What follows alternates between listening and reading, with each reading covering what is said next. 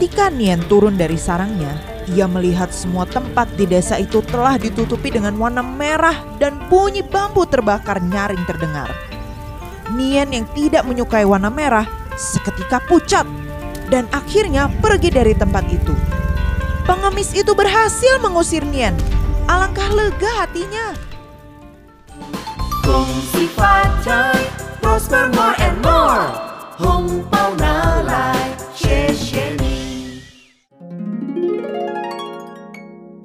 Selamat pagi anak-anak. Selamat, pagi Bu Guru. Waduh, waduh, seneng banget nih yang baru liburan. Iya dong Bu, liburannya asik banget. Udah gitu dapat hadiah lagi. Karena nilai bagus ada peningkatan. Iya bu, bisa main sepuasnya, ketemu sama saudara. Ya walaupun tetap harus pakai masker sih. Baguslah kalau kalian bisa menikmati liburan panjangnya. Ibu juga ikutan senang. Ya, walaupun benar kata Mia, tetap harus pakai masker. Kan kita masih di masa pandemi nih. Jadi prokes tetap harus dijaga ya. Siap, Bu. Bener-bener udah di charge nih ya energi kalian. Berarti udah semangat lagi dong belajarnya. Ya, masa langsung belajar sih Bu? Iya bu, jangan langsung belajar dong. Loh, loh, kalau nggak belajar kita mau ngapain? Hmm, kita main-main aja dulu Bu. Ibu, Mia mau tanya deh. Kemarin itu Mama sama Papa beli baju dan hiasan-hiasan yang warna merah.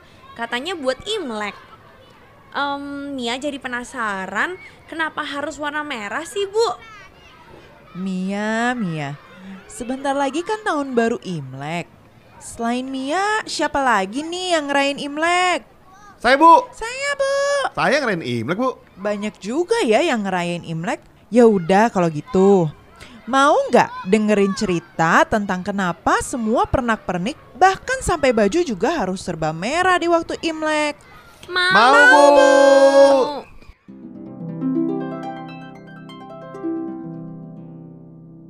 Pada zaman dahulu kala di negeri Cina, hiduplah seekor monster besar, bentuk tubuhnya menyerupai kerbau dan berkepala singa. Monster ini bernama Nian, yang bila diterjemahkan berarti tahun. Setiap awal tahun, Nian selalu datang memporak-porandakan rumah tempat penduduk tinggal untuk mencari mangsa. Sebentar lagi awal tahun. Kita harus siap-siap lagi untuk naik ke atas gunung. Sungguh amat menyusahkan. Betul katamu suamiku, setiap tahun kita harus selalu bersusah payah untuk menghindari amarah Nyen. Tidak adakah yang bisa kita lakukan agar Nian tidak mengganggu kita setiap tahunnya?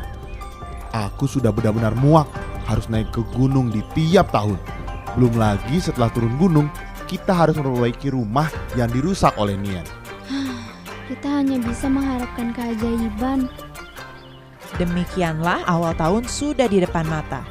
Para penduduk bersiap-siap untuk naik ke gunung menghindari kedatangan Nian. Pada waktu itu ada seorang pengemis yang datang ke desa itu untuk mencari makanan. Ia berjalan ke sana kemari untuk mendapatkan bantuan. Namun, semua orang sedang sibuk dan tidak menghiraukannya. Sampai suatu kali, ia berjumpa dengan seorang saudagar kaya. Nyonya, kasihan Nyonya. Hamba belum makan sejak tiga hari yang lalu. Bisakah Nyonya memberikan sepotong bakpao untuk pengemis yang lapar ini?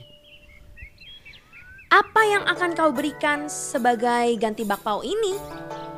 Hamba akan melakukan apa saja yang Nyonya perintahkan kepada saya. Benarkah itu? Hmm, kau akan melakukan apa pun untuk dapat memakan bakpao ini? Sekalipun itu hal yang berbahaya. Tentu saja Nyonya. Hamba akan melakukan apa pun untuk bisa makan bakpao pemberian Nyonya. Baiklah, hmm, aku tidak hanya akan memberimu bakpao, tapi kamu juga bisa hidup dan bekerja di rumahku. Tapi dengan satu syarat. Pada awal tahun ini, kamu harus bisa mengusir Nian dan mencegahnya merusak rumah para warga. Bagaimana? Apa kamu bersedia? Baik Nyonya, akan hamba lakukan sebaik mungkin. Oke, kamu akan membutuhkan tenaga yang banyak untuk mengusir Nian. Aku akan menyuruh pelayanku untuk mempersiapkan jamuan makanan untukmu. Terima kasih Nyonya. Saya akan selalu mengingat kemurahan hati Nyonya. Akhirnya pengemis tua itu dapat menikmati jamuan makanan yang dihidangkan oleh pelayan saudagar kaya. Sementara semua penduduk terus sibuk berbondong-bondong naik ke atas gunung, hingga akhirnya tinggallah sang pengemis sendirian. Ia sudah kenyang dan tenaganya sudah pulih kembali. Ia memikirkan cara untuk mengusir Nian. Akhirnya, ia mulai membakar bambu yang menghasilkan suara berisik. Ia juga mengambil jubah merah yang tertinggal di rumah penduduk dan menempelkan kertas berwarna merah di rumah-rumah penduduk. Ia berharap Nian akan ketakutan dengan suara api dan desa yang tertutup sepenuhnya dengan warna merah. Semoga ini semua bisa mengusir Nian dari sini. Lebih baik aku menambahkan potongan bambu agar menimbulkan bunyi keras yang menghalau Nian mendekat. Ketika Nian turun dari sarangnya, ia melihat semua tempat di desa itu telah ditutupi dengan warna merah dan bunyi bambu terbakar nyaring terdengar. Nian yang tidak menyukai warna merah seketika pucat dan akhirnya pergi dari tempat itu. Pengemis itu berhasil mengusir Nian. Alangkah lega hatinya. Saudara-saudaraku, lihat. Akhirnya kita tidak perlu takut lagi dengan Nian. Pria ini telah mengusirnya dari desa kita. Iya benar Nyonya. Akhirnya kita bisa tenang sejenak. Terima kasih banyak, Pak. Tahun ini kita akhirnya tidak lagi bersusah payah untuk memperbaiki rumah yang dirusak oleh Nian. Oh, saya juga merasa senang. Sebenarnya saya juga tadi merasa ketakutan sekali. Tidak disangka, Nian kabur setelah melihat desa yang tertutup hiasan warna merah dan bambu yang terbakar. Kalau begitu, bagaimana setiap awal tahun kita melakukan seperti yang dilakukan pengemis ini? Kita siapkan hiasan berwarna merah dan setiap rumah menyalakan api dari bambu. Demikianlah tersiar kabar ke seluruh negeri bahwa Nian takut dengan warna merah dan bunyi yang keras. Oleh sebab itu, setiap awal tahun, warga Cina selalu membuat hiasan dari warna merah dan memakai pakaian merah. Karena mereka percaya Nian takut dengan warna merah. Mereka juga membunyikan petasan untuk menghalau Nian datang ke rumah mereka. Namun, ketakutan warga desa belum berakhir. Masih ada satu makhluk bernama Chong untuk menghantui mereka di setiap awal tahun. Makhluk ini suka mengelus kepala anak-anak yang sedang tertidur. Anak-anak tersebut kemudian menjadi gila. Istriku, kita harus berjaga malam ini. Walaupun Nian sudah tidak mengganggu, tapi Chong akan tetap mengincar anak-anak kita. Benar suamiku, apa yang harus kita lakukan agar anak kita tidak menjadi korban makhluk itu? Malam ini kita tidak boleh tidur. Begitupun dengan anak-anak kita.